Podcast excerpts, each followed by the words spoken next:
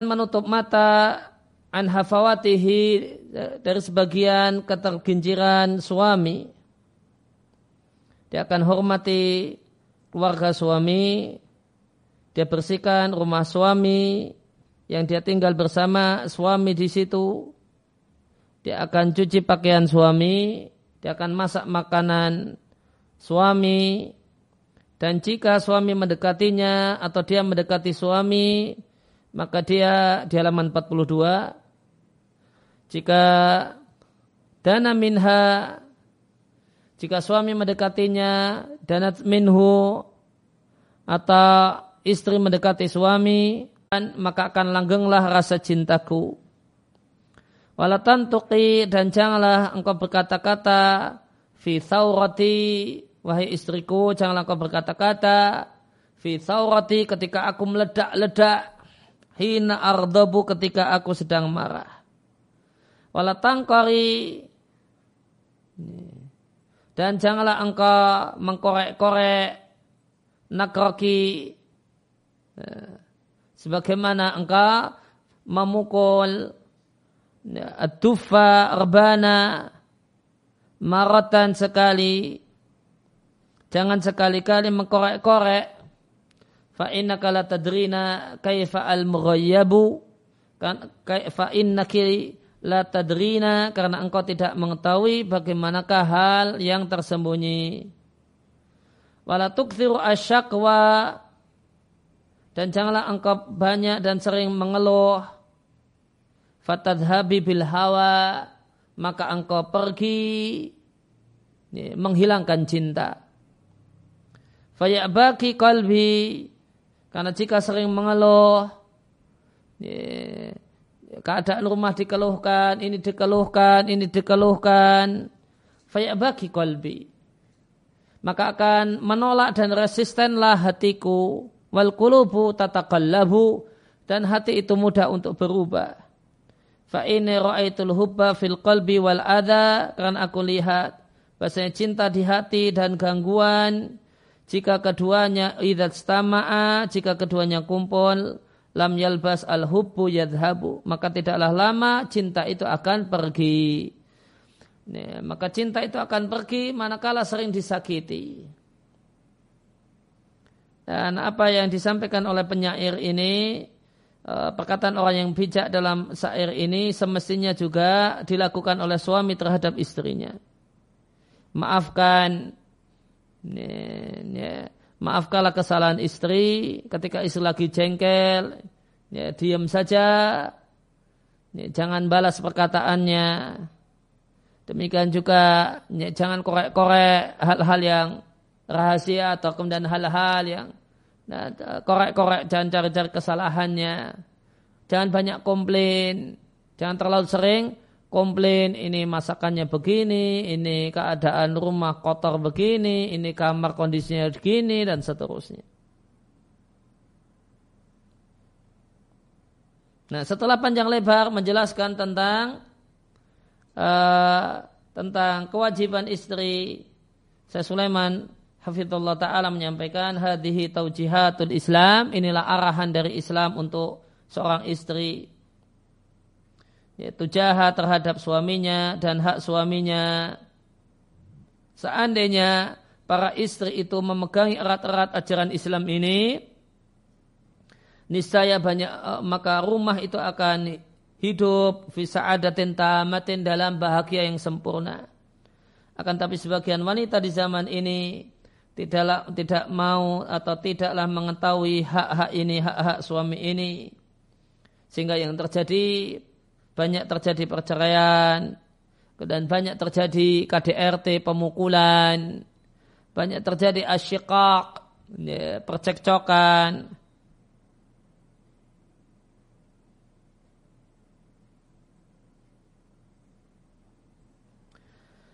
Ya, asbahna jadilah kita di halaman 43 al di zaman ini kita mendengar sebagian perempuan yang salah satu dari mereka lupa anriqatiha kelembutannya, lupa rahasia kewanitaannya, berubah menjadi jabaran rosyum, jadi orang yang uh, diktator, Rosyum orang yang zalim. Kemudian dia tata kamu mengatur ngatur suaminya yang lemah dan ya, takharuhu dan menindasnya. Jika istri ini pernah memberikan kepada suami sedikit dari harta, hartanya manat alaihi, ya, dia merasa berjasa dan mengungkit-ungkitnya.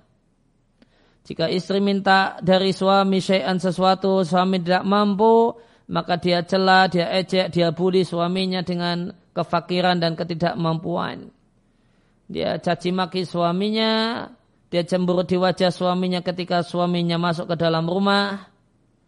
Ya, dia dorong dari belakang suaminya ketika keluar rumah. Layam la'u zaujuha ainaiha maka suaminya tidak pernah memenuhi dua matanya selalu kurang dan kurang dan jiwanya pun tidak pernah merasa kona'ah dengan pemberian suaminya. Tadharu dia menampakkan diri di setiap pintu dan melongok mingkulina fidatin di setiap jendela. Dia buka wajahnya atau sebagiannya untuk laki-laki. Ajnabi, laki-laki yang bukan mahramnya, bukan suaminya. Dan obrolannya ketika dia ngobrol dengan suaminya karena hadithuha. Adalah obrolan istri. Isi obrolannya adalah zauju fulanatin sona ali fulanatin istrinya fulana itu membelikan dan membuat ini dan itu untuk istrinya, istrinya fulana itu ya, melakukan ini dan itu.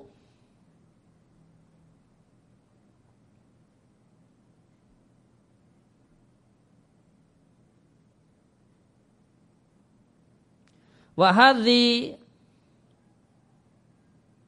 ya.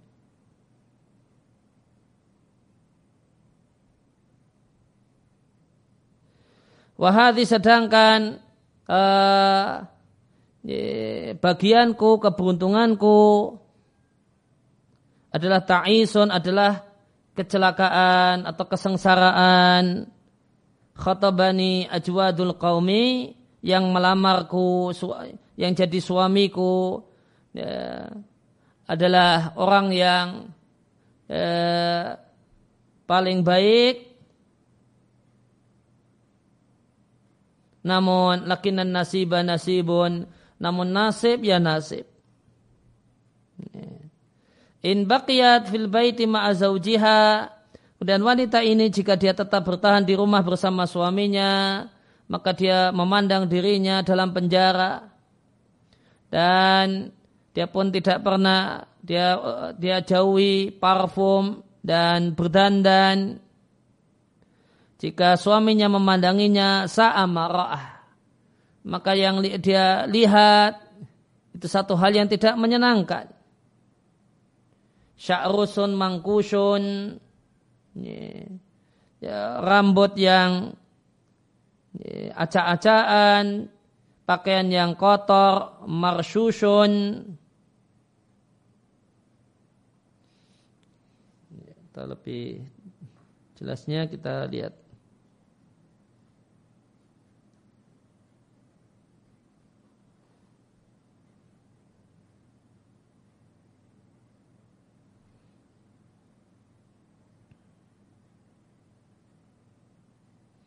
marsyushun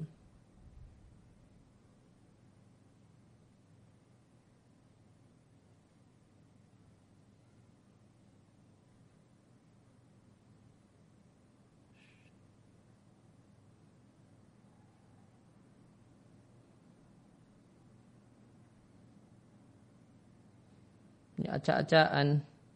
Tidak rapi. Itu marsyushun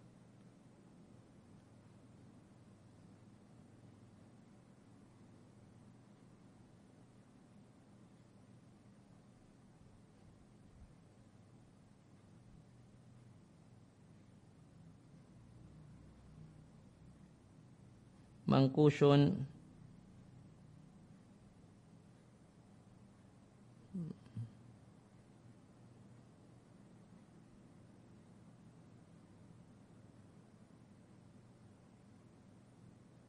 nakasya artinya berhamburan. Ya, mengkusun rambutnya berhamburan tidak karuan. Wasaubun dan pakaian yang kotor maksusun tidak rapi. In baqiyat fil baiti jika tetap ada di rumah tawasakhat maka dia dalam keadaan kotor tabas salat kemudian uh, makan berambang makan bawang sehingga bau mulutnya tidak sedap. Namun idza kharajat jika keluar rumah tatoyabat pakai parfum tajammalat berdandan. Hadil mar'atu at-ta'isyatu inilah wanita yang celaka alat alat khairaha linnas Dialah wanita yang menjadikan kebaikannya untuk banyak orang ya, untuk kawannya, untuk tetangganya, sedangkan kejelekannya untuk suaminya.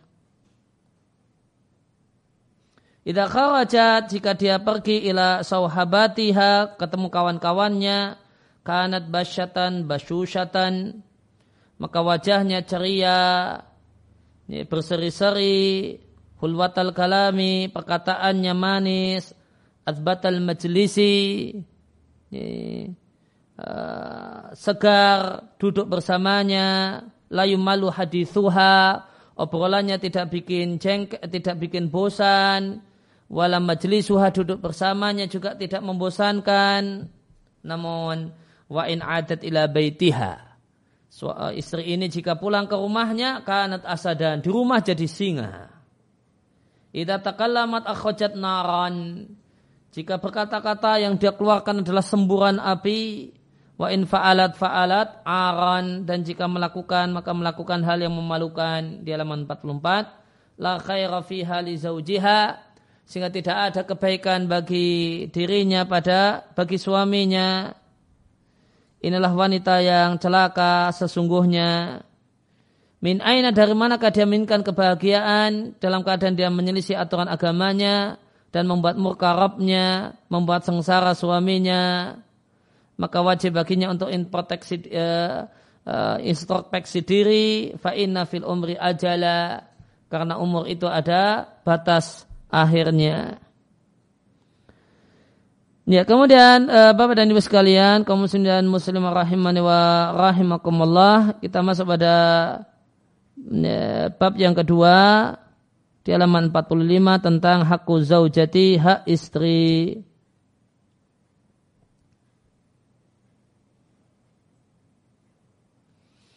Inna zauja sesungguhnya suami itu rubbanu safinah. Dia nahkoda perahu, nahkoda bahtera, Al-Qayyimu alal baiti yang bertanggung jawab atas ya, satu rumah tangga. Maka sebagaimana suami itu punya hak, fa'ina alaihi hukukon dia punya kewajiban. Dan seorang suami yang menjadi eh, seorang muslim yang menjadi suami, dia mendekatkan diri kepada Allah dengan menaikkan hak istrinya. Dia tunaikan hak istrinya li'annahu ra'in alaihi karena dia adalah pemimpin dan penanggung jawab atas istrinya. Dan Nabi Shallallahu Alaihi Wasallam menyampaikan, kulukum ra'in wa kulukum mas'ulun an ra'iyatihi. Semua kalian adalah pemimpin dan semua kalian akan dimintai pertanggungjawaban tentang yang dipimpin. Al-imamu kepala negara itu pemimpin dan dia akan dimintai pertanggungjawaban tentang apa yang dipimpin. Wa ra'in fi ahlihi seorang suami, seorang ayah itu pemimpin untuk keluarganya dan dia akan dimintai pertanggungjawaban tentang anggota keluarga yang dia pimpin. Farajul saleh maka seorang laki-laki yang saleh menyadari bahasanya bahasanya dirinya kot ustu'iyya hadi zaujata. Dia diberi mandat, diberi amanah untuk memimpin istrinya ini. Dan dia akan dimintai pertanggungjawaban tentang istrinya. Oleh karena itu dia curahkan, dia ya, curahkan dirinya, segala kemampuan dirinya, finushi laha. Ya, dalam rangka menginginkan yang terbaik bagi istrinya.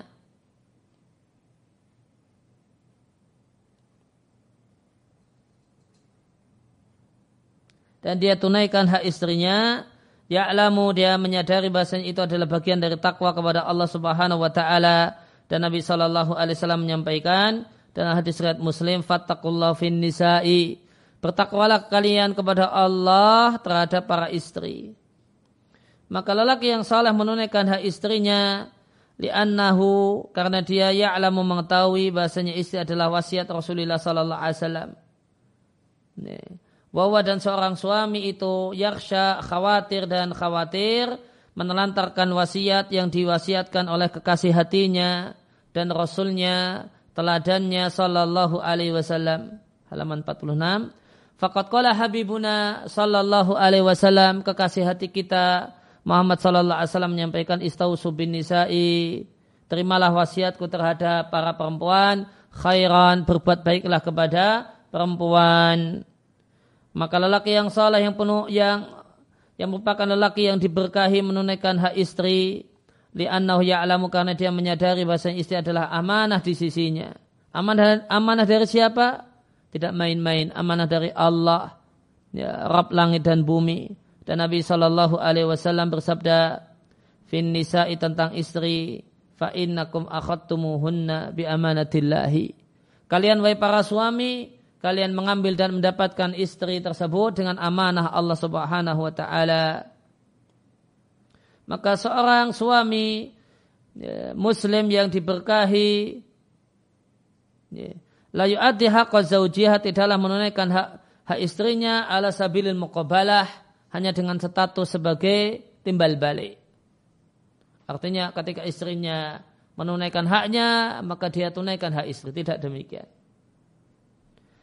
Bal yu'adil haqqa namun semangatnya dalam menunaikan hak, dia tunaikan hak hak istri yang menjadi kewajibannya karena dia akan diminta pertanggungjawaban.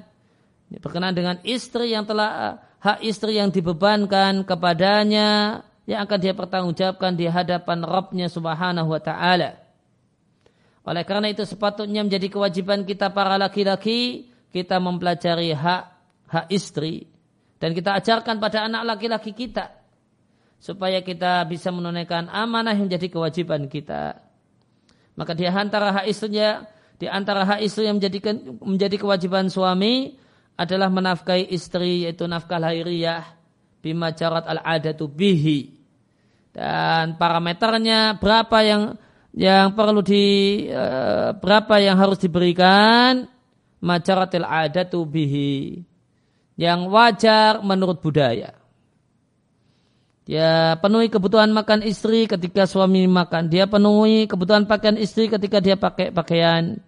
Wal matlub minar rajuli dan yang dituntut dari seorang suami ayun fiqa ala zaujati menafkahi suami, eh, istrinya.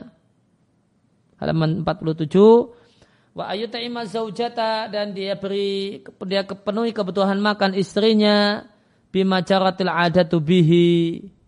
Ya, dengan pemenuhan yang layak sebagaimana tolak ukur uh, budaya yang telah berjalan min israfin tanpa berlebihan tanpa boros wala takdirin tanpa pelit.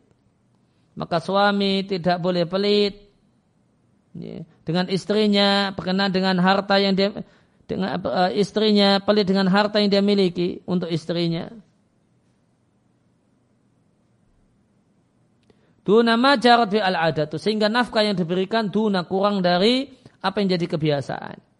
Namun juga tidak tidak boros dengan dia lebihkan lebih dari apa yang jadi kemampuannya dan lebih dari apa yang telah menjadi kebiasaan.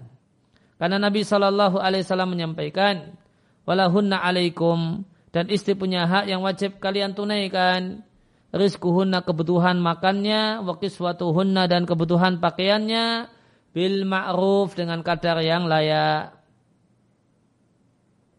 Dan di antara hak istri yang menjadi kewajiban suami adalah suami berbuat baik kepada istri dengan segala bentuk kebaikan yang jarat al-adatu yang uh, uh, wajar menurut budaya. Dan dengan tindakan-tindakan yang menurut budaya itu adalah bentuk berbuat baik kepada istri. Selama itu tidak menyelasihi syariat Rabbul Alamin. Ya, ngajak istri jalan-jalan, ngajak istri tamasya, belikan ini dan itu yang diinginkan oleh istri. Ya, Eh, jangan lupa bawa oleh-oleh kalau pulang dari luar kota. Eh, kadang kemudian kadang kala belikan makanan kesukaan istri, buah kesukaan istri, minuman kesukaan istri dan yang lainnya. Yaqulu Nabi sallallahu alaihi wasallam Nabi sallallahu alaihi wasallam menyampaikan Ala ingatlah wa haqquhunna alaikum. Hak istri yang menjadi kewajiban kalian para suami antuh sinu ilaihinna. Berbuat baiklah kepada istri. Demikian adalah hadis yang diatkan oleh At-Tirmidzi. Nah, bentuk berbuat baiknya apa? Kembali kepada budaya. Ini budaya di tempat kita ya bentuknya jalan-jalan, ya, oleh-oleh, makanan kesukaan, minuman kesukaan, buah-buahan kesukaan dan seterusnya. Dan di antara hak istri yang menjadi kewajiban suami, suami tidak boleh mukul istri. Walam yu'dan dan suami tidak diizinkan untuk memukul istri kecuali yang pertama dikhawatirkan istri itu nusut nusus dalam pengertian durhaka kepada suami. Kemudian yang kedua memukul atau hukuman fisik itu ta'ayyana sebuah keniscayaan sebagai sarana untuk mendidik istri. Yang ketiga itu pun setelah dinasihati dan nasihat dan istri tidak mendapatkan faedah dari nasihat dan setelah diboykot dan ternyata boykot pun tidaklah manfaat baginya yaitu boykot hubungan biologis. Maka ketika hal tersebut uh, syarat tersebut terpenuhi, maka boleh bagi suami untuk memukul istri. Namun pukulan muadibin orang yang tidak mendidik dan bukan uh, menghukum. Pukulan mun'imin pukulan orang yang ingin berbuat baik bukan pukulan orang yang membalak orang yang menghukum. Demikian juga tidak boleh mukul wajah. Ini mutlakkan sama sekali tidak boleh. Maka memukul istri tidak dalam ya, tempat yang diizinkan yaitu misalnya mukul pada wajah dan dengan alat yang tidak diizinkan maka itu kezaliman. Dan Nabi Wasallam menyampaikan siapa yang memukul pakai cambuk zulman dan itu ya, dengan kezaliman maka akan dikisos ya, pada hari kiamat nanti. Diatkan oleh Al-Bukhari dalam Al-Adab Al-Mufrad. Demikian juga Al-Bazzar. Dan Nabi Shallallahu Alaihi Wasallam menyampaikan fi haqqi zaujati tentang hak istri yang menjadi kewajiban suami wala yadribal wajah. Tidak boleh mukul wajah. Dan dikiaskan dengan wajah seluruh bagian kepala. Dan dikiaskan dengan wajah semua anggota badan yang sensitif. Yang bahaya. Pukulan di daerah tersebut berbahaya. Dan Allah Ta'ala berfirman, Dan wanita yang kalian eh, takutkan khususnya, nasihati, boykot di tempat tidur, artinya tidak dikumpuli, tidak diberi nafkah biologis. Ya, baru kemudian batribuhunna, berikan hukuman fisik kepadanya. Jika istri itu mentaatimu, maka janganlah cari jalan-jalan, cari jalan untuk menghukumnya. Sebenarnya Allah maha tinggi lagi maha besar. Qalal mufassiruna para tafsir mengatakan di halaman 49 jika istri telah taat kepada suami maka tidak ada jalan untuk memukul istri dan memboikot istri. Dan firman Allah Ta'ala di akhir ayat sesungguhnya Allah itu maha tinggi dan maha besar adalah tahdidun ancaman bagi para suami jika zalim kepada istri Fa'ina al-aliyal kabir maka sesungguhnya zat yang maha tinggi dan zat yang maha besar itulah pelindung istri. Yang dia akan menghukum orang yang zalim pada seorang wanita dan seorang istri. Maka wahai para suami jika engkau pandang dirimu kuat, jika engkau lihat dirimu itu mampu untuk memukul istri, kemudian engkau ingin memukulnya tanpa alasan dan min ghairi ma adina ghairi ma idnin minallah tanpa izin dari Allah. Fatadakar maka ingatlah bahasanya pelindung wanita yaitu Allah zat yang maha kuasa itu kuasa atas segala sesuatu. Karena pelindung wanita adalah al-aliyul kabir zat yang maha tinggi dan zat yang maha besar. Maka jangan coba-coba untuk membuat murka Rabnya, Rabmu, ya Abdullah, wahai para suami.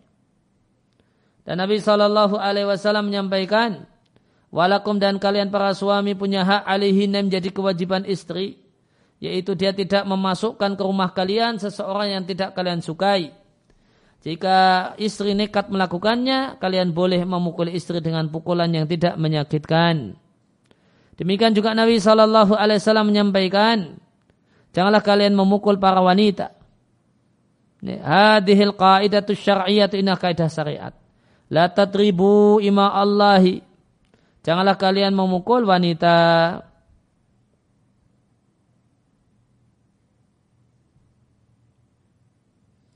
Kemudian setelah itu datanglah Umar kepada Rasulullah Sallallahu Alaihi Wasallam dan menyampaikan bahasanya banyak istri yang uh, ala aswajihinna yang membangkang suaminya maka Nabi Shallallahu Alaihi Wasallam kemudian mengatakan jika tidaklah mengapa memukulnya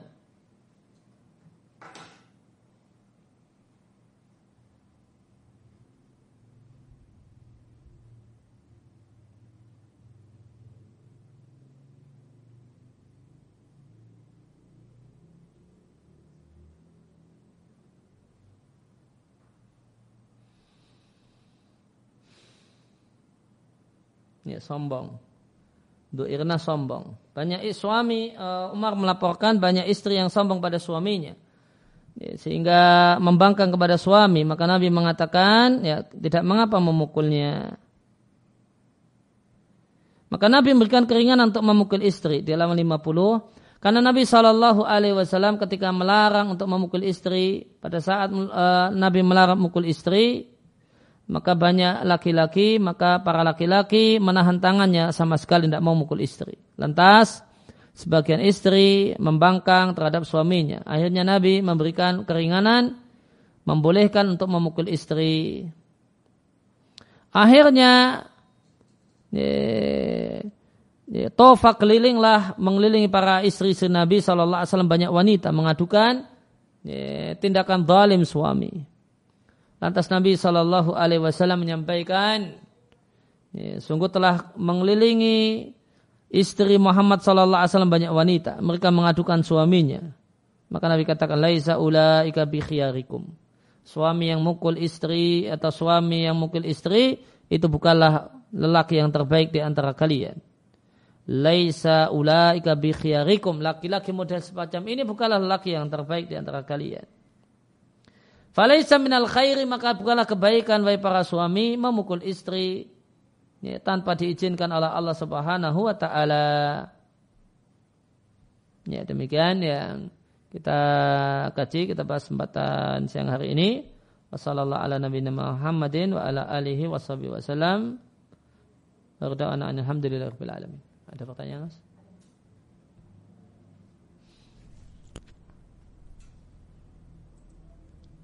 Hmm, bismillah, ada pertanyaan yang akan kami bacakan.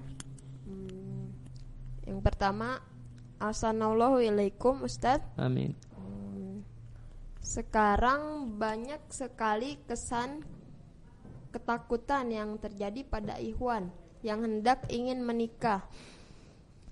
Um, yaitu masalah finansial yang belum mapan, gaji di bawah UMR Apakah itu memang alasan syar'i ataukah hanya was-was semata karena banyak yang seperti itu? Barakallahu fikum. Ya, jika uh, pendapatan itu memang masih minim, ya wajar kalau uh, kalau takut untuk menikah. Namun hendaknya itu tidak membuahkan ketakutan, namun membuahkan semangat ya, membuahkan semangat untuk yang sedikit ini pun ditabung, yang sedikit terus kemudian bagaimanakah uh, cari uh, alternatif-alternatif yang lain sehingga penghasilan itu lebih dan boleh saja tetap nekat semangat untuk coba melamar. Boleh jadi dijumpai ada wanita yang baik, ada calon mertua yang baik, ya, semacam itu tidak masalah ini anak namanya saja di awal hidup merintis ya. maka tidak menutup kemungkinan ada dijumpai calon-calon mertua yang baik dan wanita-wanita yang sangat baik yang mau menerima lelaki yang demikian keadaannya. Ya, jangan terlalu putus asa. Nah. Hmm, pertanyaan selanjutnya Uh, ada pertanyaan dari Umu Hasan di Karawang. Assalamualaikum Ustaz. Waalaikumsalam warahmatullahi. Kami mempunyai saudari yang suaminya melakukan poligami dalam keadaan ekonomi susah terlilit utang riba. Suami tersebut melakukan poligami dalam keadaan dengan menggunakan dalil yang disebutkan dalam hadis mengatakan jika kesulitan ekonomi maka menikahlah dan setelah pernikahan poligami tersebut maka terjadi uh, keributan antara suami istri dan madunya tersebut. Lalu bagaimana nasihat untuk saudari kami yang dipoligami tersebut? Bolehkah meminta cerai? Ya uh uh, saya nasihatkan kepada saudari yang dimaksudkan untuk bersabar. Dan jika memang suami betul-betul tidak adil, dia tidak bisa melaksanakan fikih eh, poligami dengan baik, kemudian bahkan tidak menafkahi dengan sekian waktu lamanya yang itu memba uh, dan memang terbukti dia tidak mampu menafkahi karena harus memikul dua dapur, ya, dua rumah, hanya kemudian dia menangkan rumah istrinya yang kedua, kemudian tidak pernah menafkahi istri yang pertama, maka uh, boleh baginya meminta cerai. Namun ya, jadi minta cerainya karena ketidakmampuan suami dalam menafkahi. Namun tidak boleh minta cerainya karena semata-mata dipoligami. Nah, pertanyaan selanjutnya. Uh, Assalamualaikum Ustadz, saya suka saya suka merapikan jenggot dengan segenggam, kemudian merapikan bagian pinggir dikit. Apakah saya terkena hadis maksiat tak kalah sendiri karena saya masih belum mampu? Ya kalau kemudian uh, jenggot digenggam terus lebih panjang uh, lebih panjang dari satu genggam maka yang tersisa dan lebih dari satu genggam boleh di uh, boleh dipotong. Nah. Ya, demikian subhanakallahumma wa bihamdika asyhadu an la ilaha illa anta astaghfiruka wa atubu ilaik.